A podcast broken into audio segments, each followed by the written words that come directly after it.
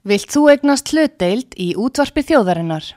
Sendu tölvupóst á hlutabref at útvarpsaga.is eða ringdu í síma 533 3943. Útvarpsaga stendur vörð um tjáningafrelsið. Síðdeis útvarpið á útvarpi sögu. Þáttastjórnandi Magnús Þór Hafstensson.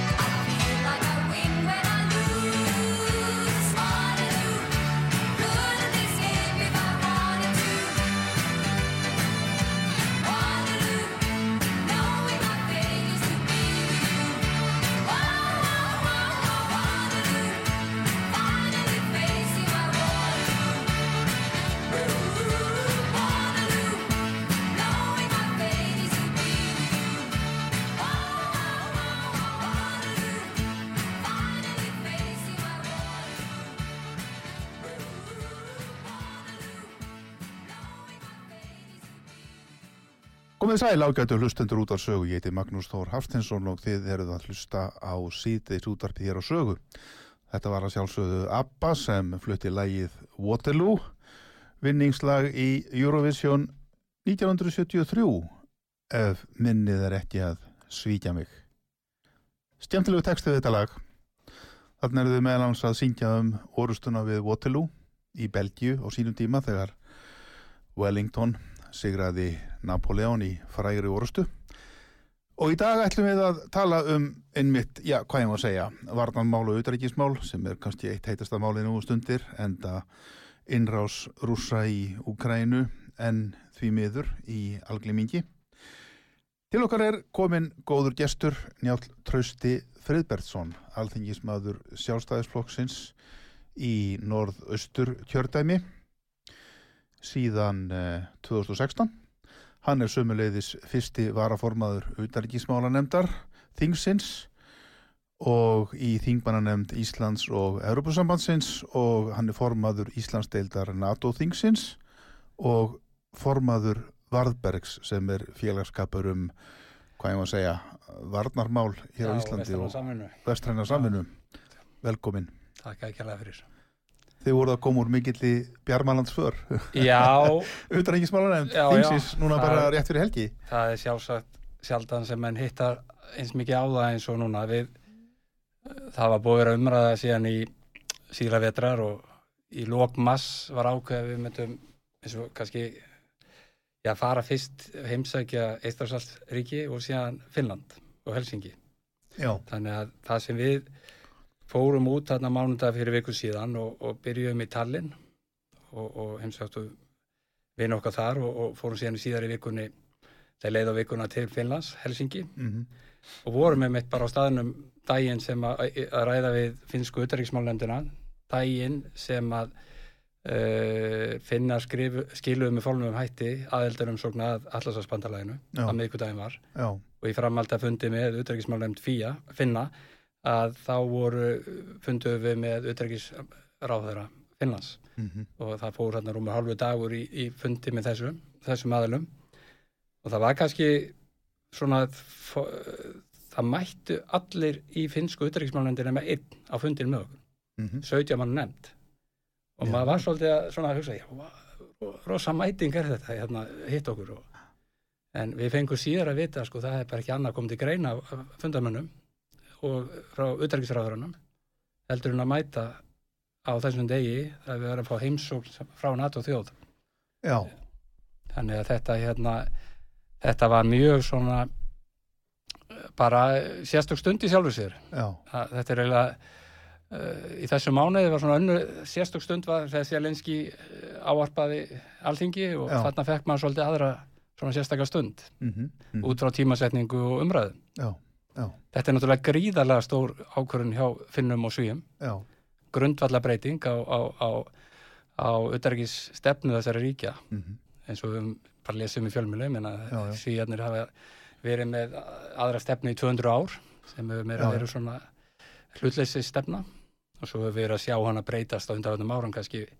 Og, og svo hjá finnunum einhver leiti þessar, þessi bæði þessi lönd hafa komið inn í mjög nána samvinnu við allarsbandarlagi og, og NATO-ríkin 30 mhm, á síðustu árum mhm, og hérna þetta sem gerist 24. februar innrás rúsneska hersins inn í inn í Úkrænu gjör breytir þessari stöðu og já, þetta gerist á, á öðru, ótrúlega stuttu tíma þessi grundalla breyting sem Mm. verður hjá þessum þjóðum, Já, okkar nágrunum þeir eru fljótir að ákveða sig. Hvað hérna, hvað þýðir þetta? Eh, Segjum svo að þeim mun nú takast, það eru kannski einhverjar svona smá blikur á loftum það að það verði einhverjar hindranir á veginum, að þeim takist að ganga í NATO, þá er ég að hugsa um Tyrkland, Já, sérstaklega, en, en hérna, en, en ef þeir ganga í NATO, hvað mun það þýða í raun og veru fyrir, hvað ég að segja, aukin uh, výbúnaðarstyrk uh, samtakana? Já NATO. Ég sá allar að Atlantshafsbandalagið. 240 orðstóttur myndu bætast í flottan eða allavega 240 orðstóttur samtals frá þá Norðurlundunum, Danmörk, Noregi, Svíþjóð og Finnlandi. Við áttum hér samtali byrjum Já, minni mig bara rétt eftir að Sjenós hóst já, Ég mann satt að segja ekki hvort ég að minnst á það. Ég hef nú verið mikið að minnast á þetta eins og með finnana. Þeir, þeir uh, í desember skrifuðu við, undir samning við Lockheed Martin um kaupa Lockheed Martin F-35 já orustu þóttum. mm Gríðarlega stór samningur, 64 orustu þóttur, 1500 miljardar íslenska króna. Bara fjár- Bara, já, bara, bara fjárfestingin í vélónum og svo annað eins í, í að koma upp aðstöðu og, og, og svona viðhalsgetu og annað tengt Mm. þessu mm. mannskap. Þannig að þetta er gríðarlega stór ákvörðum fyrir já, þjóð sem telur hvað 5,5 miljón. Já, Það, við sjáum það við deilum 64 neður þetta. Þetta væri eins og Íslandika væri með fjórar, fimm uh, orustu þáttur okkar land, sko Mm. bara svona út frá mannfjölda. mm. Við sjáum þetta, þessi ákvörðun tekin hann, þetta var fimm ára program hjá þeim að finna út úr þessu, það voru fimm aðlega sem voru að bjóða fram sína vélar. Normenn gerðu svipukaup bara fyrir 3-4 árum, Mm. tími líðun og hrætt, ég held að jú, 3-4 ár og eru byrjað að fá hluta af þeim, það eru svona tínast inn og norski róstuflumenn fara til bandaríkjana í þjálfun og svo koma svona hver annari Já, já og, og hafa verið að breyta svolítið stöðun innan orðið staðsetningum og, og slíku á vélunum. mm. Uh, þannig að þessir, það eru 52 og hinum en 64 Já. og, og síðan náttúrulega bara eru svíja með mjög ég var svona að skjóta að þetta var getur verið kringur 200 orðstöðóttur en ég er ekki búin að googla það nýlega með svíjana Nei, nei, þannig að, að það getur vel verið að síða svona og síðan er um Danmörk Já. Sem er þá naturíki sem er líka með tölvöld upplugar það eldri vélar. Já, en, en, en, en hérna þetta er tölvöldum áttur í þessu sem er verið að byggja Já, já. meðal þessar ríkja og þau hafa náttúrulega æft mikið saman eins og normenn, svíjar og, og finnar mm í norður hluta Skandinavíu undanferðin ár, einmitt, reglulega. einmitt, heldur betur. Já, þannig að þetta er, þetta er umtalsverður sjálfsagt umtalsverður liðsöki sem bætist þarna við en, eh, en eh, ég held kannski að við höldum að samra með þetta, bara Já. að fá þetta inn í norður hluta En það- eins og menn kallaði í herfæðan hérna, Northern Flank hérna, að þá munar tölvöld um þetta, þannig að þannig ertu með uh, hernalega bara mjög sterk aðila þó þetta séu ekki stóra þjóðum með að marga aðra. Nei, þetta verður tölverður varnamáttur á norðurslóðum og einmitt á þessum hlutum já. sem snýra Rúslandi Já, hér á norðurslóðum sem er náttúrulega okkar svæð, okkar Íslendinga og það er líka verið talað um eins og með finnana þeir eru, eru þannig að uh, hafa byggt upp þannig uh, varnir að það, þetta er svolítið svona bara stingi, stingi samband við allarsbandalega Já, svona plug-in. Já, hann þeir er svo sam, já, já, ég skil. umfram raunlega kannski ymsa aðra já. heri innan allarsbandalagsins þannig að að þeir hafa kannski svona verið að hugsa þetta í laumi svona, já, maður ma veit ekki en, en að þetta, við gætum, gætum þungsalega þurft að eiga í samfunni já. við önnur vestran ríki í varnarmálum ef til þess kemur. Já, þá er kannski eins gott að vera þá mm með þokk, nokkurn veginn svona svipaðan Já. búnað og svipaðan hugsunahátt og annað þess að já. skilur það, Og það er náttúrulega bara óskup eðlilegt og kannski eins og rætt áður auðvitað, taka að finna þessu málu mjög alvarlega. Það- það það? hafa ekki alltaf gert það.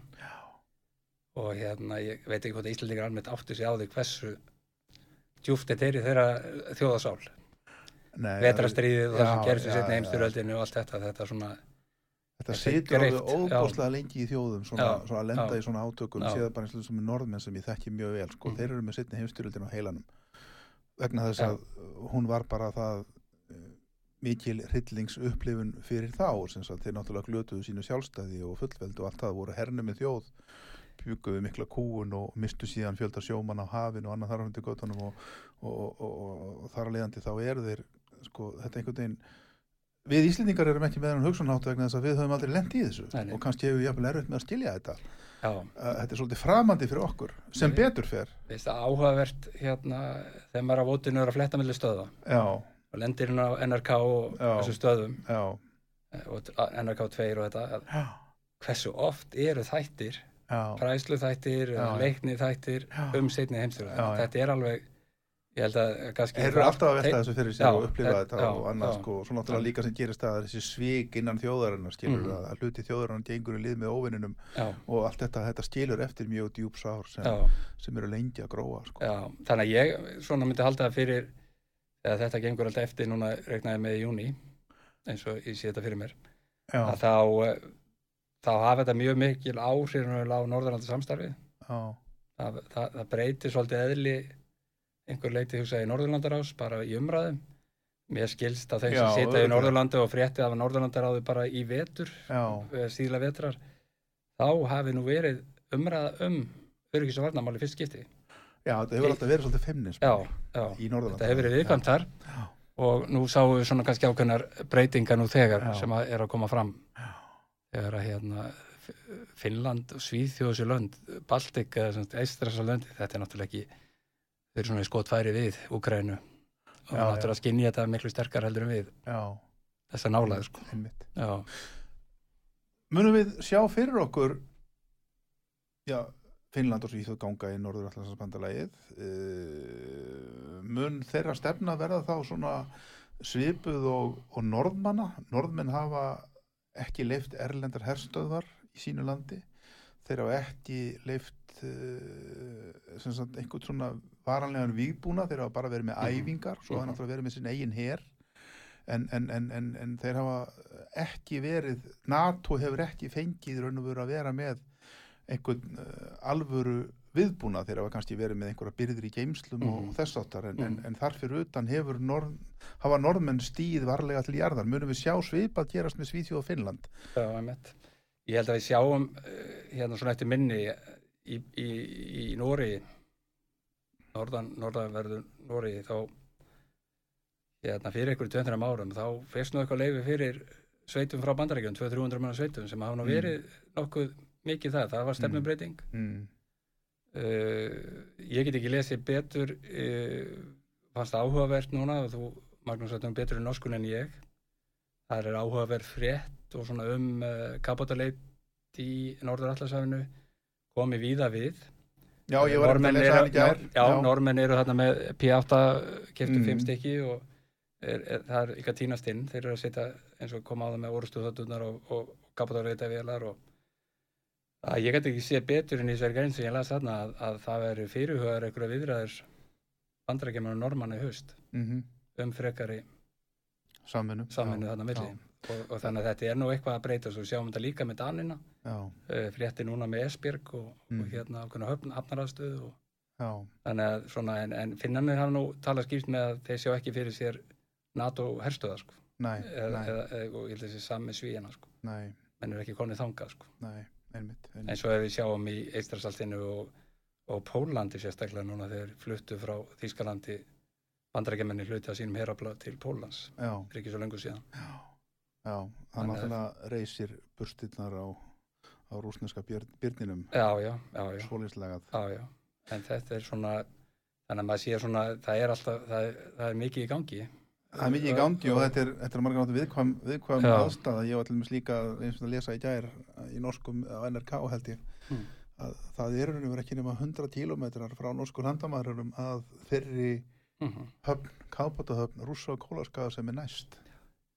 Við minna þessu 60 Er það 60? Ég minni Ok, það. já. það er það sem þeir verið að byggja uh, og þeir eru að smíða sína fullkomstu kjarnakopata eru að staðsetja á þannig Já, og hérna, uh, jú, jú, það er uh, þessi muna landakortið og svo kemur Finnland þá svona undir ja, akkurat, og, og, og landamæri þar upp að einmitt. ég var ekki búin að mæla það en, en, en 100-150 km veit ég ekki Já, þar upp að Já, þarna er náttúrulega mest, mesti styrkur er svona út frá hernaði já, já, og ógnun, deterrence fælingamætti Það verður fróðlegt að fylgjast með þessu og sjá hver. Hvernig voru finnarnir stemdir? Voru þeir, voru þeir brattir voru Já, þeir... þið bara eh, svona, eh, fannst þér þetta ákveðið léttir í, Já, það. með þetta, já. Uh, Skinja það, það var, fannst, það var gott svona hljóði í þeim og, og, og hérna með þetta allt saman. Bara hálf fegnir að þessi ákvörðum verið tekin. Við komum hann inn á, maður aðeins að reyna að fylgjast með þessu og í þinginu hjá þeim. Umræðin hóst þar á þriðutarsmorgun, Já, tíu mótni, og kláraðist sem sagt uh, rétt eftir miðnætti, þá Mm. aðfæra nótt meðgöndagsins þannig að þeir tóku ykkur að 14,5 stund, klukkstundir í þetta, þetta stóra mál og það er síðan greitt atkvæðin og það eru 188 af 200 sem að greiða með uh, umsókninni já. inn í allarsbandalega Já. og 8 eru á móti Já, þannig að fjórir voru ekki á staðnum þannig að ég held að maður sjáu þetta nú ekki oft í, nei, í þingsal svona. Hverju í svona stórmáli stórmáli, eh, sko ég held að það verið eitthvað vinstri öfl á vinstri kantinum og ég, ég Já. man ekki eh, ætla ekki að að ég þekki þetta svo gjörla þarna Nei, einstaka flokkar sko en, já. En, en það hafi verið Þetta var ekki einsta- flokkslínum, þetta voru þá bara einstakið þingmenn sem kannski frekar. Já, já, mögulega eitthvað, eitthvað svoleiðis, ég hef ekki fengið nei. síðan spennt greiningu á því sko Nei, en, en, En þetta er mjög sannfærandi Já, meirihluti. þetta er svona einróma og það er náttúrulega gríðilega stert fyrir allt að landið sko, að, sem sagt, og pólitíkin í Finnlandi að þetta hafi verið, verið með, gert með þessum hætti Ekki spurning. Já, óttuðustu er einhvers konar viðbröð af hálfu rússa. Nú hafa rússarnir að einhverju leiti skrúa fyrir rafmagn og gas. já, já, þeir eru búin að skrúa fyrir gasið og, En, en það var nú kannski annað yfirskinn sem var þar að baki heldur, heldur en þetta NATO-mál sko. Já, já. Þeir vildi frekar fá borgað í rúblum ekki satt. jú, jú, jú, jú. Uh, Já, ég veit ekki hvað, hvað, hvernig maður á að, hérna, mér fannst ekki mikið hræðsla. Nei, Þeir hafa náttúrulega, uh, þetta er svolítið sérsta samband, ef, við svona kynum okkur þetta eins, mjög. Með finska fósettan sem fer með öryggis, utaryggis og, og svona litið varðamálin Já, út á við, sko, já, gegnir svolítið því hlutverki, já, já, svona okkur hluti. Já. Og svona sögulega hafa, hefur þá finski fósettin alltaf verið mjög góðu talsambandi við rússana. já, við munum Og forystumenn eftir- þar. Við munum öll eftir tíma. og þeir, þeir, þeir bara það er, hafa verið mjög regluleg samskiptin. Já, og miða við viðbörðin sem að Putin kom með þarna við uh, þessum um, umsóknum svíja og finna að þá var ekki mikill hasar í svo sem viðbröðunum nei, hann sá að ekki að sjá fyrir sér að finna væri að ráðast inn í Nei. inn, inn, í Rússland sko. Þá var maður einmitt að velta fyrir sér það sem ég var að, að nefnda aðeins áðan sko, einmitt það að sko að kannski hafa menn gefið til kynna við rússað gott og vel Svíþjóð og Finnland vilja ganga í NATO mm en það verður gengið þannig frá málum að það verður ekki settar upp neinar herstöðvar, það verður ekki komið fyrir neinum eldflögum eða neitt svona í þessum löndum það verður bara hluti af þessu varnabandali og búið, Já, já, ég veit það ekki já. Það eru enga girðingar eða neitt á landamærum Finnlands og Rúslands. Það er Nei. ekkert. Nei, Þú bara gengur yfir. já, Og það eru engar jarðsprengjur eftir eða neitt nei, eins og ég, eins og ég skildi samtölun. Já, já þetta, ég hef ekki hugmynd um þetta. Það hefur náttúrulega verið í raun og veru vinsalið samband milli Sovjetríkjana þanniglega séð og, og, og finna og síðan Mhm. rússa og finna vingjað lett náttúrulega alltaf undir einhverju ógn en, en Mhm. samt sem áður að mikil viðskipti og jafnvel samgangur þarna á milli og Borgur Kjarnesteð var hjá mér um daginn hérna, hann var mjög bjó, bjó í áratu í Finnlandi og jafnvel fjölskyldu tengsl og annað þarna hefur landamærin þannig að Mhm. uh, uh, þannig að, og, og eins og Borgþór saði, það er raun og veru engin undirliggjandi vandamál eða deilur milli þessara landa, það er búið Nei. að setla allt eftir til dæmis vetrastriðið og allt það, það var samið um þá hluti og, og, Mhm. hérna, og allir verið stráttur í það í dag, þannig að já. það er kannski erfitt að sjá fyrir sér að allavega eins og þú segir, að finnar mun ekki eiga frumkvæði að það ráðast á Rúsland þetta verið það aldjört brjálaði Já, já, já. En, en svona, þetta virðist er ágætið sátt hann að milli já, í svona orðræðinu Já. sem kemur fram formulega. já, Mm. En hvað sögðu vinnur okkar baltanir Sko, í þeir, Eistrasalti já, það er náttúrulega, hefur nú verið önnum stemming já, lengi og, og frá 91 þegar þessi lönd verða sjálfstæð. Þá, þau fóru náttúrulega mjög fljótt í það að sækjum aðeld að NATO og Európa-samtöru, bara til að tryggja sítt þjóðuröryggi.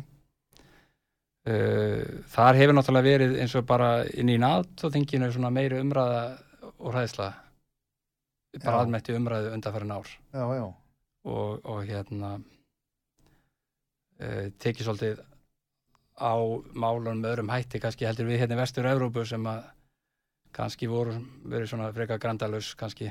Já, og ekki mikil umræða. Nei. Uh, kannski tiltölu að takmarkuð þekking almennings eða vera að kynna sér þessi mál. Það er bara búið að vera svo mikið status quo og, og friður ríkja. Og svo lengi. Já, en uh, Eistrasaltið og Evrópa austur, austur hluti Evrópa hefur náttúrulega verið meira svona var um sig. Mhm, og hérna Eistrasaltiríkin, þetta er náttúrulega þrjú tiltölulega fámenn ríki svona miðavennur þau náttúrulega hafi, það hefur verið miklu meiri hræðsla Já. þegar maður skinja þar svona síðust já. Og um langt sjálfur sér skeið sko. Þið fóruð þarna og hittuð, hverja hittuð? Við hittum þar hérna, byrjum ferðin í Tallinn. Mm, þar hittum við svona hugveitu eða think tank alþjóðamál. Byrjum, Já, bara, byrjum þar. Síðan hérna fundum við með utreikismálendinni áttum í, í eisneska þinginu. Mhm, áttum bara mjög góðan, góð umræðu þar. Síðan hittum við þá líka eisneska utreikisráðurann Já, og hún gaf okkur góðan tíma til að ræða málið þar og þar fengum við fín sjónamið og fína umræðu. Og síðan endur við þá í, í Íslandi að fara í Center of Excellence um, Cyber Security sem er að vega NATO. Já, og, og semst öndveið svetur um, um neturökis mál. mál sem er staðsett í, í Tallinn. Já, já, og er búið að vera þar í nokkur ár. Já, og hérna sem er náttúrulega gríðalega áhugaverður hérna málflokkur og er svona aðeins svolítið að koma slóksins hérna upp á umræðu já, sem tengist náttúrulega fjölþátta ógnun sem er svona cyber security eða neturökismálin er hluti af því. Já, þó að fjölþátta ógnin á yfir miklu stærri stærri svona málflokka mm, og hérna þar fengum við mjög áhugaverða kynningar og, um, um svona neturökismálin Hvernig myndur útskýra þetta hugtak fjölþátt ógn?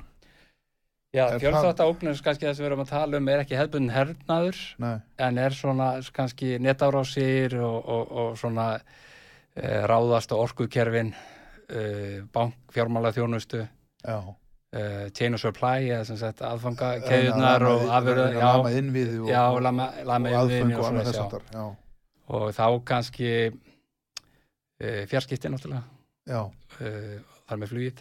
Mm, en e, það sem er kannski svona þekktast almennt í svona það er að, það er að fara gegn orkuðum við honum mm, bara eins og við þekkjum almennt í hernaði þá reynir menn vilt að taka rafmagnið út og, og síðan fjarskiptin. Já. það er svona fyrstu vessin og þannig virka nú fjölþátt ógnir. Og Rafmagnið meðal- voru af hjá mér núna fyrir viku síðan, núna viku síðan þá fór ég að hugsa um þetta. Já, Hvað við erum hjálpað hann ef við missum fram Já, þú mátt ekkit við löngum tíma þannig. Nei, alls ekki vegna hefur maður svo sem verið að leggja mikla áherslu að byggja upp hérna ráðskukerfið og flutniskerfið rávorku og styrkja Já. og bæta. Að Nú þetta er svo mikið grundvallar já, já, já, já, og þetta er bara hérna raforka bara er þetta mikið grundvallar mál Og bara- það er allt undir það er allt. undir og, og hérna Maturinn neðilegst í fristinum og allt. Já, þannig að við megum ekki við lungun tíma Nei, samfélagið þegar, að- þegar að raforkan dættur út. Fjarskiptin, það er sama þú, þú, þú, þú líka- missir rafmagnu á fjarskiptin þá, þá ertu- vera sem er nú helsta öryggistæki Já, þjóðurinn í í dag, dag, já, eins og maður tekið nokkra umræðunar um í þinginu. Benda á þetta. Ég hef satt þegar verið svolítið upptekin af þessu þjóðuröggisvinkli bara síðan ég byrjaði 2016 í, já, í þinginu út frá svo mörgum þáttum.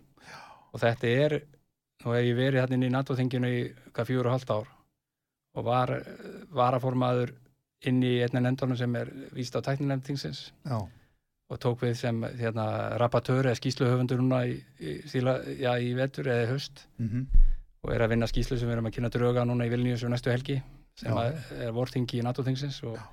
Og verðum vandi klára síðan í, í, í haust á ásvöndi NATO-þingsins og hérna öll þessi neturikis mál uh, fjölþátt ógnir ána er búið að megi umræðarni í tæknefndinni í þessi fjögur ár. Já, bara tekið rosalega mikið yfir umræðana já, þess vegna er svolítið skrítið hérna heima þegar maður hérna, við erum tölvöld langt á eftir í þessar umræðum að svona fara, þetta er ekki með eitt, eitt og halvt ár sem að vera, vera varfið þetta hérna þó maður hefur nú tekið ræðunar hérna fyrir margt löngu í þingsal. Já, að það er ekki verið mikil umræðum þessi mál. Og nú er verið að uh, þjóðrauki stefna landsins sem samþykkt 2016 mhm, nú er hún í endurskoðun og það er svona sá ég að í fjölmjölu núna síðustu daga að, að hérna, það er verið að tala um að hún getur komið jafnvel inn fórsæstur áður að tala um að getur komið verið kynnt jafnvel í lókmánaðar mhm, þannig ég er nú svona vonað að, að það verði sterkari og meira áherslur á þessi mál sem var að ræða hérna sem að snúa Það neturuggis Já. og fjölþátóknum já en ekki síður bara rávorkumálu þjóðunum fjarskiptum og Það að ég þetta eru að- grundvalla málin, það er allt undir. Það ætla ég rétt að vona sko. ég, hérna, og, og mér finnst í raun og veru að það ætti að fara fram umræðum um það hvort við ættum ekki að fá hingað aftur fasta viðveru varnarlið sem við vorum Mm. og virtja jafnvel bara varnarsamningin við bandaríkin og segja við á herðu við óskum þess að þið hafið þér fasta viðveru til að fá þennan fælingamátt hingað til Íslands gagvart því að einhverjir eins og við höfum bara séð núna í utrækismálum undarfærið hvað uh, sko, breytingarna geta orðið svo óbúslega miklar á svo stöttum tíma. Að ef við hefðum hér fasta viðveru varnarlist þá hefðum við ákveðin fælingamátt á landinu gagvart einhverjum sem myndu vilja koma engað til að vinna okkur megin Mm. þar að sé ekki með því að með okkur líkanlega heldur vinna skada á innviðum þjóðarinnar eins og til dæmis að taka út rávorkukerfið Mm. sem er ekkert mál í raun og Nei, ef við hugsaum það Já, já. það þarf ekki annað en bara vel þjálfuð hérna, vikingasveit að fara hér á land til dæmis bara úr kafbáti eða eitthvað þess áttar Mm. og, og hérna fara hér upp á hálendið og, og, og sprengja niður rávorkumöstur á, á völdum stöðum eða Mhm. ráðast á tengivirki annað þess áttar og þá bara slæðir öll út Já, já. og, og við náttúrulega óveðrið mikla hér fyrir nokkru missinu síðan eh, þar sem allt hérna kom á daginn að menn voru búin að selja sko dísirrafstöðunar á mörgum stöðum af því þeir heldur að það var ekki lengur nót fyrir þær Desember 2019. Ha? 10. 11. desember 2019. já, þá Þetta er- vöknuðum allt í einu upp við vondan drauma, það var ekki eins og nægt að mjólka beljarnar, Já, já. skilur það dætt allt út fjarskiptakerfi og annað, Já, skilur já. Við erum óbúslega berstjölduð Já, og ég held að það sé full ástæða til að ræða þessa hluti af mikill reynskilni og bara opinskátt og fara síðan yfir það hvað getum við gert til að tryggja öryggi okkar betur. Því að við verðum að hafa það í huga að rússar eru búin að lýsa okkur sem óvinna þjóð Mhm.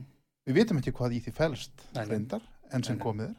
En við erum skilgrein þannig af þeim og það, bara það eitt er graf alvarlegu hlutur finnst mér allavega. Mhm. Já, já. En- en- að þetta er, þetta er hins, það varð ágætis viðbrað við desemberverðinu 2019. já, Inn í stjórnsýslunni kom, var unni mjög fín vinna eftir það um Já. hugmyndi hvað væri til að styrkja já, og það er verið að vinna núna búið að gera þetta, bara ótrúlega það fóði ekki um að 2,5 ár síðan það kemur upp á Já. þá búið að gera bísna margt já, og það er verið að huga, huga þessu og er það finnst mér líka nöðsilegt að þetta sé þá tekið fyrir inn í þjóðarauki stefnunni þegar hún er endur skoðuð þetta já er svona bara mál að þannig bara að rétt við að séum að ná okkur skrefum sko.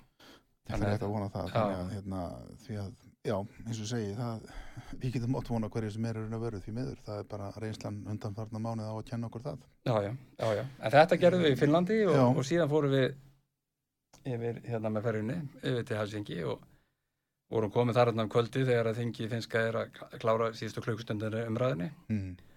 Og, og eins og ég segi þá, þá mikuldagsmorgun þá fórum við, byrjuðum við þannig morguninn og hitta auðvitaðriksmálendina Já, 17 manna nefnd þetta eru stóra fjölmennar Já. nefndinni hjá þeim og, og, og, það vantaði einn upp á sem mætti síni í hátegismat með okkur.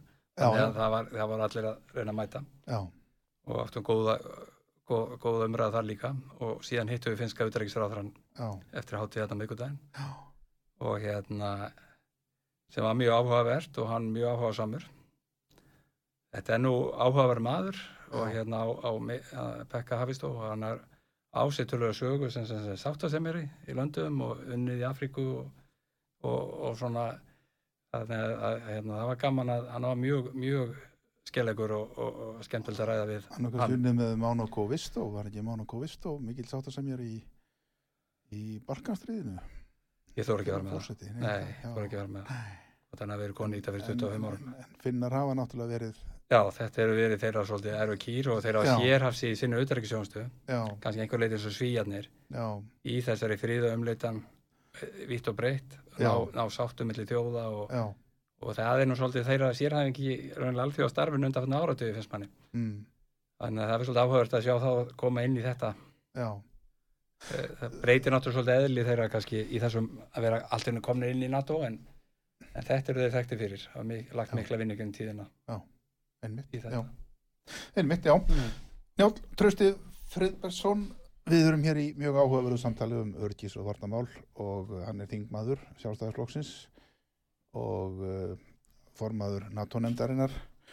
Hann var nýkominn og í auðvitaðríkismálanemnd, fyrsti varaformaður, hann er nýkominn úr ferð með auðvitaðríkismálanemnd til Finnlands og Íslands og við höfum verið að ræða það meðal annars.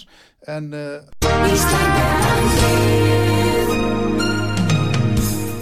Styrtareikningur útvarpsögu í Íslandsbanka á Granda.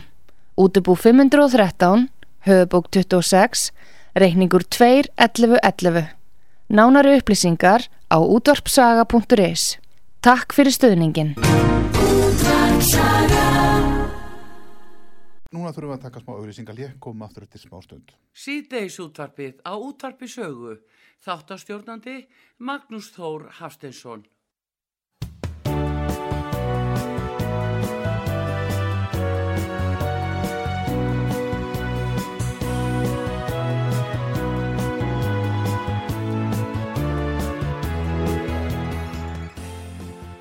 Komið sælættur, ég heiti Magnús Þór og þið eruð að hlusta á síðdeis útvarpið hér á sögu. Hjá okkur er Njál Trausti Friðbertsson, alþingismadur sjálfstæðisflokksins, situr í utaríkismálanemnd, er þar fyrsti varaformaður, þingmannanemnd Íslands og ESB, Íslands deild NATO-þingsins formaður þar og er líka formaður Vardbers, samtaka um vestræna samvinnu. Við höfum verið að ræða hér utaríkismálin og uh, sérstaklega þetta með hingöngu Svíþjóðar og Finnlands í norður Allansansbandalagið NATO um sóknir sem uh, virðast njóta og njóta mjög mikil stuðnings í báðum löndum, bæði hjá þjóðunum sjálfum en líka í lögjáðarsamkundunum. Uh, þessar umsóknir, Njálf Trausti, uh, þeim hefur núna verið skilað inn. Já, það er þeim að skila inn frá svíðum og finnum á miðgudaginn var. Já, hvað gerist nú? Þannig að núna raunverulega þarf uh, fyrir að fasta fulltrúarnir í, í NATO sem sagt, já að, að þetta þarf að fara í ákveði ferli þar og inn, og svo inn í þjóðþingi líka síðan til samþeiktar í hverju einu í svona eins og íslenska þingi Þannig að þetta verður borðið upp hér á alþingi. Já, já, sem, sem bara þingsályktun já, frá utræksraðra já. Og þannig gerist já. Mm. þetta alls þar í öllu þjóðríki, eða þingin þurfa í í öllum löndunum að, að, að samþykja að, og það þarf að vera einn róma, það má ekki einna móti og, og hérna þannig að Löndin þurfa að vera einróma. já, Já, aðilda þjóðirnar, þessi 30 einmitt. já, þau þurfa all uh, Norð, uh, Norður Makedónia uh, er nýjasta Mm. og, og kom inn fyrir hvað, tveim, þreim árum maður rugglast aðeins í árunum út af kóðinu já, það er já. aðeins að skekja hjá manni minnið en, en, en, en hérna uh, og það tók ákveðin tíma en ég var að vona að þetta ferli muni ganga miklu hraðar í gegnum þjóðþingin uh, heldur en þá sko, bara út af öllu þessu ástandi og Þannig að þetta verði jafnvel tekið þá bara fyrir hér bara einhvern tíman næstu vikum hér á Íslandi. eða vonandi, Já. ég sannanlega vona að, að það, það muni Jafnvel árum gerast þing fyrir í sumafrí, hvernig fer það í sumafrí, er það? Já, við erum, það er áallega minni með 9. 10. júni eða eitthvað í Já, kringum já. það en, en ég, það er svo sem lengist nú alltaf eitthvað í því og svo, Já. svo bara verðum við að sjá hvernig það þróast meina, Já, já, svo er alltaf þetta að kalla sama þing já, uh, þannig, að, þannig að þetta er svona uh, ákveði ferli það er náttúrulega svona summit eða leiðtóafundur Atlasasbandaríkjana í Madrid í lók júni já, já, og þetta þætti manna æskilegt að, að það verður þetta að fagna þá já.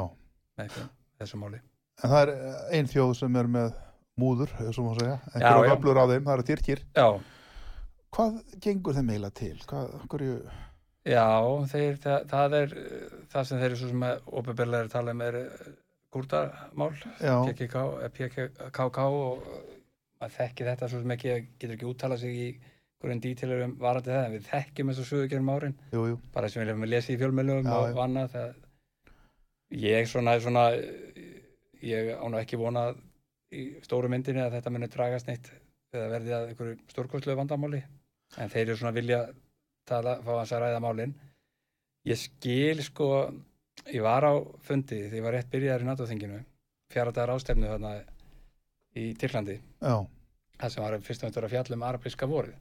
Mhm, og, og maður fekk allt þar að skinjun á tímalínur og allt í kringum þetta bara að sitja yfir þessu tíu tíma og dagi, fjóra daga og fá, með, með góða fyrirleysar alls þar í heiminum professor og, og hersöðingi og annað en þú áttaði líka í leiðinni sko hvað þetta er flókið umhverfi sem Tyrki sjálf sér búa við. Já, ef maður fer aðeins að skoða landakortið og hvar hlutir eru að við svona skærur og, og erfið samskipti þjóða mhm, þá er þetta svolítið mikið í þeirra umhverfi. Já, þeir eru stöðugt það er stöðugt eitthvað í gangi. Já, þannig að maður svona kannski eftir að hafa aðeins komist nær þessu og svona hlustað á þarna í fjóra daga um þetta svæði og allt þetta, Mhm, þá mhm. kannski fekk maður aðeins þetta er ekki alltaf einfalt hjá þeim. En, en, en, en ég vona að, að, að hérna þetta er öflugt ríki hernaðarlega innan NATO. Og fjölmynd. Tyrkland og fjölmennt já, og- að hvað, ég man ekki hvað þetta er orðið 80-90 miljónir og, já, já, og margan átt stórveldi, þannig að séð já, uh, og- einmitt vegna landfræðilegar já, legu og annað þess áttar. og ef við lítum gegnum aldirnar þá er þetta náttúrulega búið að vera þarna Já, já, þarna hafa hlutinni verið að gerast um aldir og þúsund ára. betur. Þannig að, þannig, að, þannig að þetta er ekki einfalt ég myndi aldrei segja að vera einfalt umhverfi Nei, hjá. Tyrkjónum og, og hérna þeir þurfa alltaf að vera semja um eitthvað Er, þetta, er þeirra einhver leiti hallir undir uh, rússa, uh, Pútín, þegar valdaránstilraunin var í Tyrkland á sínum tíma, þá var það nú frækt dæmi þegar Erdogan var nánast að flýja svona með, já, til að Mm. bjarga lífinu, Já, ég, að, ég, að hérna, þá hérna svona voru rússar eh, Skulum segja kannski að þeir ég hafi- las einhvers vegar að Putin hefði ringt strax þá í Erdogan og, og svona Mm. hugreist hann og, og, og, og Erdogan hefði verið mjög þakklátur fyrir það, hann fekk ekki mikinn stuðning frá Vesturlöndum. Nei, nei. Ég er hann einhvern veginn að launa þeim það eða rússunum?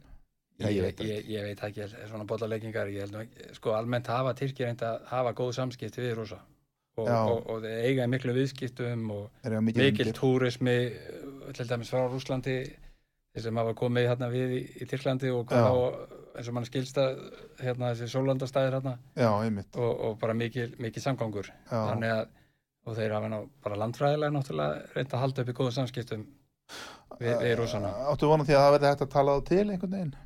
já, já, já, já, ég Að held, þeir þetta, munur allt leysast og það er bara það að gefa þessu tíma og já, fyrirnátnir og svíjarnir eru nú að leggja sig fram um að um að, um að, um að ræða við Tyrkina og að vera að senda sendinemdir og, og hérna ég held þetta leysist nált en það er mjög sterkur og mikill stuðningur innan naturíkjana almennt við að fá svíja og finna inn í allarsbandalega það fer ekkit fram hjá nokkur manni sko.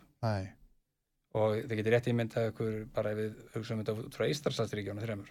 Já, hversu mikið þau býða eftir þessari stund. Já, að fá finnana norðan við sig já, og, og svíjana þarna vestan við Ístrasaltið já, og þetta, þetta umhverfis breytir svolítið. Og, og vonandi skapa bara meiri stöðuleika og frið við Ístrasaltið getum við ekki átt vona því að rússar muni auka viðbúnað? Jú, við getum átt Við vona, hverju sem er sko en, en, en þau bara líta á þetta með þessum hætti Ístrasaltríkin og, og síðan Finnland og Svíjar já, að þessi innrást 24. apríl, hún sé með þeim hætti já. að þetta sé bara það mikið ógn mm við tilvi, tilvist þessar ríkja að þau já, leggja núna höfuð áherslu að komast þarna inn. Já, og þetta eru nú örgulega einn upplögustu líðræðisríki jarðarinnar já. í öllu tilliti. Mm að, að ég held að við verum að treysta þeim fyrir líka því að að, að, að koma að þau séu nú að hugsa þetta rétt. -hmm. og eins og við rættum á það þá hafa nú samskipti Finna og, og Rússlands bara gengið ágætlega. Í, í svona sögulega samingi Já, síðustu já. ára tíuna og reynda þau hafa örgulega verið betri þar á milli heldur en við, mjög við annars staðar svona já, síðan, og í kaldastriðinu. Í- sérstaklega kaldastriðin kaldastriðinu. Já, sko, já, bara hérna þá voru Finnarnir alltaf ágætis já, já, kontakt, þeir, sko. þeir gengur náttúrulega bara frá málum þannig við Sovjetríkin að, að, að, að það er því sem sagt uh, ekki mikil hætta á því að það breytist út einhver ófriður Nei, og mikil viðskipti á milli einsilur þjóðanna það með sérstaklega. viðskiptum já, og sem er já, náttúrulega viðskipti milli þjóðir náttúrulega Já. kannski alltaf svona örugasti farvegurinn að friði svo má segja. Já, En en það heldur, er það, við heldum það nú síðustu 15 árin Já, varandi Rúsland en, en svo höfum við líka þessa fimmtugrein í NATO-sáttmálanum sem er náttúrulega algjör snild. Já, og ég hugsa að, sem sagt, það að, að eitt fyrir alla og allir fyrir eitt þar að þið ráðist á einu. NATO-þjóð þá er lítið þá sem er árás á þar allar. Já, að ég held að ekkit annað hafi tryggt friðin nei. eh, á í, eh, hér á Vesturlöndum frá lókum setni heimstyraldar heldur en einmitt, einmitt þessi grein. Nei, nei, og ég er nú, eins og kom fram kannski í mass voru, voru, þegar maður lágu yfir einhverjum fótboltaleik á lögati og, og, og kom frétt frá einhverjum flokksásundi samfélkingarnar um, nú ætti, bara rétt eftir stríð, heldur bara lögadegin eftir innrás, það var þarna á fimmtuginum já, nú ættum við að ganga í Evrópusambandi vegna þessa máls, vegna öryggis okkar. Og hérna þá ég, var ég nú að benda og kannski á þennan þátt sem er að uh, af 27 Evrópusambandsríkjum já í dag já, eru 21 í NATO. Mm -hmm. uh, kannski uh, við erum að tala um að það eru cirka 450 miljónir sem búa í Európslandsríkjunum Já, og, og hérna alltaf sé ekki núna eh, 425-430 af, af þeim 450 já, NATO sem eru í NATO. Já, og það eru sex ríki sem eru ekki mm, í dag formulega í NATO Mm. og tvæ, tvö af þeim eru þá búin að sækja um Finland og Svíjar mm svo erum við Írland, Austuríki Möltu og Kýpur. Já, Þannig að þegar Finnar og Svíjar verða komnir inn, vonandi eins og ég segi, núna Mm. vonandi í, í lók júni, mm ekki síðar, að uh, þá eigum við eftir Írland, þar sem búa 5 miljónir, já, Austuríki er maður rétt 10 cirka, já, hvað að sé möldu 4-500.000 og Já. 700.000 í Kýpur, þannig að þú sér að þú, það er ekki eftir nema kannski 16-17 miljónir af þessu 450 miljónir sem búa í, innan Európa-sambansins, já, sem er ekki í NATO. já, Varnarmátturinn er þarna, já, já, þarna eru varninnar. já, já og svíjar og finnar hafa bent á það núna í, í þessu umræðu núna. Mm, það er einhverju greinir sem ég þekk nú ekki dítilega og ég get ekki tjáð með allt um eitthvað sem er færtust og annar annar grein einhver sjöndi mál, málslegur eða eitthvað mm, sem er snýr að einhverju vörnum Európsamsins mm en þeir hafa sagt að það er mjög óskil greint hvað nákvæmlega það er. Mm og, og þessu samengi og það sem er átt í þessu, þessum ummælum þarna í mass að nú eru þær tvær Európsamsþjóðir mm, að sækja um í NATO. Mm næst að þau líta að þar er öryggið tryggt. já, Það getur vel verið að á einhverju tíðanpunkti 20-30 ára að, að, að Evrópusandu verið búið að koma sér upp einhverju vörnum sem að því eitthvað er einhverju svona sem að reyku frá eða hefur fælingamót. En uh, í dag er það með þeim hætti að innan NATO þá eru Evrópusamstríkin þá 21 með um 20% fjármagninu sem er varðið til vartamála mm, en þessi nýju ríki utan NATO sem er ekki erfarsamdunu eru með 8-10% af fjármennum þannig að mhm, þetta þurfum við að hafa í huga þegar við erum að ræða um svona þetta samengi hlutana að við erum náttúrulega með bandaríkin sem er þá allir ekki 55-60% uh, breytanir þegar þeir yfirgáu Európsamdið þá, uh, þá var 10% er hjá þeim. Þannig að það fór úr 70 í 80 mm.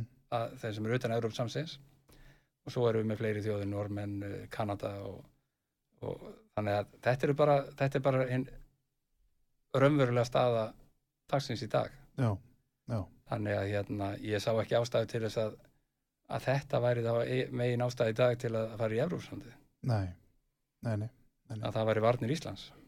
Nei, og ef við lítum bara Norður Atlasafið þá sjáum við hvað ríkið standa sem eru utan Evrópsams í NATO Bandaríkin Kanada Norugur mhm, og Breitlands er. Já, og við erum eiginlega svolítið mitt á milli þessar ríkja. Mhm, og það er með þeim hætti að, sví, að Danir hafa síðan leitað til bandarækjumanna um varnir tengdar færium á Grænlandi. Já, þannig að þetta heimsvæði mhm, sem að norðanvert norður allarsafið er það, allt umlíkjandi eru raunverulega þjóðir sem eru ekki hluti af Europasandru einmitt, þannig að mér finnst líka mikið að halda því til að já. Og rétt að halda þessu aðskildur en að vera sko, því Já. hérna, já, eins og ég segi, minna, uh, NATO, það, það hefur, eins og ég segi, að mínu mati algjörlega tryggt friðin, ég minna, Breitland getur ekki farið í stríði Frakland, Frakland getur ekki farið í stríði Þýskaland, Nei, því að ef þeir ráðast á hvort annar með þessum hætti að þá verður þeim hengt fyrir. Þeir myndir náttúrulega aldrei gera það vegna þess að þeir eru saman í varnabandalagi já, já, þessi tími núna og NATO þá sko það skrifað undir Voston sáttmálan hvað, 5. apríl 49 þannig að þetta eru komið 73 ár. Já, og uh, svo bætum við fjórum ára frá seinni heimstyröld Mm. þannig að það voru það 77 ár. Já, þetta er náttúrulega lengsta tímaskeið sögulega í Evrópu um aldir. Já, þar sem að hefur ekki verið stór stríð einmitt. gangandi undir að voru mikið vandræði í Balkanlöndunum og, og þegar Júkoslavía Þetta brotnar upp er en, en, en þetta sögulega samingi og þetta er um það sem skapa velmögun Vesturland ekki spurning. Þetta er stóra málið já, og það, það er alltaf svo nöðsvöld að halda að tryggja friðin og það að tryggja friðin, það skapa velmögun en vandin er bara Mm. sá að þegar við erum búin að búa svona lengi við frið mm. og stigvaksandi velmegun að þá förum við ofta að verða svo litið kærulus já, gleymum okkur. Já. og gleymum stríði. Þetta er eins og þegar fyrir heimstyrjöldin bröst út þá voru, þá voru liðin einhver 70-80 ár frá því að hafði verið sagt, alvöru styrjöld í Mm. Evrópu mm. og fólk var búið að gleyma því hvað styrjöld var ræðilega já, já. styrjöldir var ræðilegar Mm. og, og, og heldur bara það að fara í stríð að þetta veri bara svona næstu, eins og bara fara í fótboltaleik á melli landa já, að þetta er bara búið að fáða mánuðum nákvæmlega en svo kom nú annað á daginn heldur betur já, já. en það var kannski sem ég glemt að minnast að klára ekki á það með í Finlandsheimsóninni þá Já. endur við á 15. morgun áður og fórum í flug Aha, þá heimsóttu við þarna fjólþóttacentrið sem sagt Center of Excellence of Hybrid Threats já, sem er umlega samanumverkefni Evróp Samsins og NATO stærst í Helsingi mhm, við, við erum að koma þar inn og það komið starfsmæða fyrir Íslandi í fjárlöfum fyrir 200 árum. Þá var samtitt að setja hvað 230 miljónir er maður rétt í það að taka þátt í fjölþáttaógnasetrinu í Helsingi Já, já. Og, og síðan um, erum við vonandi að komast líka inn í Cyber Security Centerið það er sem sagt netöryggis öndveisetur um ne- neturyggismál já, í, í Tallinn. Já, og það held ég að sé bara gríðalega mikilvægt og það mér sko til þótti mér hérna þegar maður var nú að halda þessu svona í pólitíkinni aðeins á lofti að við myndum taka þátt í þessu en þess að við Íslendingar mögum aldrei geta tryggt þessi mál upp á okkur einstæmi það er bara ekki hægt. Þess vegna verðum við einhvern veginn að móta okkar uh, góða sín á það hvernig við ætlum að tryggja þessi mál. Uh, Björn Bjarnason einmitt skrifaði uh, mjög góða skýslu hérna fyrir uh, norrænu já. mögulega komið til inn eða? Já, Og- komið já, að rætta og rætt þetta og, og, og ég held því mér fróðrætt að lesa það 30 sína hérna, sína plagg það, það er mjög þægilegt yfirlestrar og svona nýttmiðað mm og hérna í samengi við bara hvað er búið að gera síðan þessi skýsla var skrifuð. Og, og, og hérna ég er svona myndist aðeins á þessu skýslu að núti mm. varandi þessi mál. -hmm. og hérna en við hérna, í allir umræði í 30 ára á Íslandi þá bara hefur þetta ekki verið hátt skrifað. Nei, og maður vil meina átt að sé bara dægu þrætt dagsins sem maður næri gegn og, og það er bara hvað fyrir sjöfréttin mm, í, í umkvöldið á rúf já, og hérna við erum einhver megin náum, höfum ekki náð mikil dýft í þessu umræðum. Nei en, en, en höfðu menn orðið varir við einhvers konar aukna tíðni af tilraunum til svona net árása eftir að Ukrænustrið hófst? Já, já, e, það, það hefur orðið það. Það og, orðið það. og, já, og hérna en það með, við komum til aðeinslega verið bara að tala um það út á því sko en, en við erum að sjá þetta alls þar í raforku fjármála, fjármála fyrirtækjum fjarskipta fyrirtækjum og annað þú veit nú í utanríkismála nefnd já, ég verða Ég bara- að spyrja, ég verða að Já. spyrja ég veit ekki hvort útbundir þagnari eða Já. hvað en, en hérna hefur hafa slíka tilraunum verið gerðar hér á Íslandi, gagvat Íslandi eftir að Ukrænustrið hófst, svo þið vitið til sko það eru bara stöðt í gangi það, er bara- í gangi? það, það er búið að vera líka fyrir en það er bara Mm. vaksið og ég vil ekki vera að tala um kannski einstöku það er nú mikið undir þagnari þannig sem Ég- er ég í, það, ég í þessum það. málum sko mm. en, en hérna, það er alltaf verið að klára í dyrnar já, já, eða í hurðina já, já mm. bara í mörgum gerum já, og hérna það er svolítið skrítið og maður nú ég til, sagði nú frá því í utryggsmálendi morgun. Já, eins og ég sagði á þann, þá hef ég verið ég er í nokkru nefndum innan þingsins, lítið land, við erum bara þrýr þingfuttruar í NATO-þinginu frá Íslandi. Þannig ég er formað nefndarinn og sitt þar með í stjórnarnefnd þingsins. Mm 130 ásand fórseta þingsins. NATO þingsins og hérna er síðan í stjórnmálanemnd þingsins. Mm en, og svo ég víst á teknendinni líka. Mm. Mm. þar sem að ég verið varaformaður og en gerð, var sem sagt, það má bara verið þrjú ár og þannig að ég var uppgreitaður eða ferður hans upp og gerði skýsluhöfundi inn í nefndinni í haust. Já, og hérna, ég var alltaf minnst á þetta nokkuð mann en ég er búin að vera að vinna skýslu sem er komið draftað og bara finnst orðið á netinu. Mm. Sem er er að skrifa fyrir nefndina og er að vinna með þá fullt af sérfræðingum og vinna í sér sem erum bara heiti Future Warfare. Og þetta Já. við að klára í haust.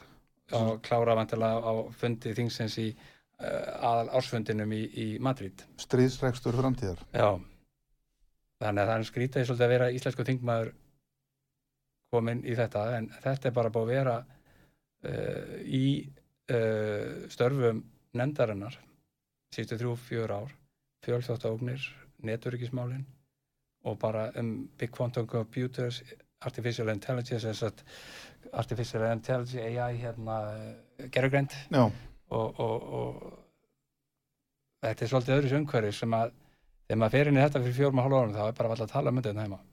Nei. En þetta er svona að byrja og við erum hann að gera það er tölvöld sem búið að gerast kannski eh, síðasta átjámánuði auðvitað ekki sjónstunni sett upp deild sem að snýra fjólstátóknum uh, Sertis sem snýru uh, netvarninar innan hérna, fjarskiptstofnunar mm uh, frá 1. janúar 21 þar er að fjölga í manns, mannskap. Þannig að það er verið að gera eitthvað. En ég segi eins og sagði það hann við eigum náttúrulega að passa að vera með okkar fólk í þessu mm. en við verðum að ná einhverju góðri samvinni við aðra þjóðir. Og ef ég vitna uh, eins og Björn Bjarnason í, í það sem er síðar kalla bara Bjarnason Report Jú, jú. Í, uh, að, uh, þá horfir hann nú kannski sérstaklega til Norðurlandana Mm. að við reynum að efla okkur með þeim. Þetta er kannski það þjóði sem við treystum þetta best. Já, og við, við þurfum eitthvað að hugsa þetta vel. Það verður kannski stopnið einhvers konar varnamála nefnd innan Norðurlandarás já, ég, já, það er spurning, ég veit ekki hérna, Nei, fyrst að en menn ég- eru ég- byrjar, eins og segja, þetta var feimnusmál áður en, en Já, já. ef, ef, ef Svíþjóð og Finnland, öll Norrlöndin eru komin í NATO já, já. þetta getur bara verið ný breytt vít Ný- í ný starfinu í- en, í en við skulum ekki gleyma þessu félagslega og öllu því sem hefur að vinna eftir en Nei, nei. að vinna með í, síðan þessi frá 52 eða hvernig þetta byrjaði Mm. það starf fór að vera þess já, en hérna þetta bara eh, það, er eftir að mótast Norðurlandaráð núna næstu missurum eitthvað tengslu við þetta allt saman já, sem er- menn var orðið að vitni að núna. Já, og hérna eh, þessi fundir MB8 svo kallar það sem er Nordic Baltic þessi áttalönd Norðurland og Eistralsaltið já, ég hef nú full að trúa að það muni nú eflast að næstu, við, við fundum líka inn í NATO-þinginu þessi hópur. Já, og hérna erum við góðu samskiptum við þessa. Já, og mun, ég mun reikna við að hitta þau bara núna um helgina. Næstu þegar við fundum í Vilnius Já, fundurinn átt að vera í kenningari já, þessi fundur núna í, í, í mæ átt að vera líka þar í fyrra, það var COVID þannig að það var, það var sleppt. NATO, þann- NATO, NATO fundurinn núna. Vegna þess að það eru samstarfsþjóðir líka tengdir NATO-þinginu.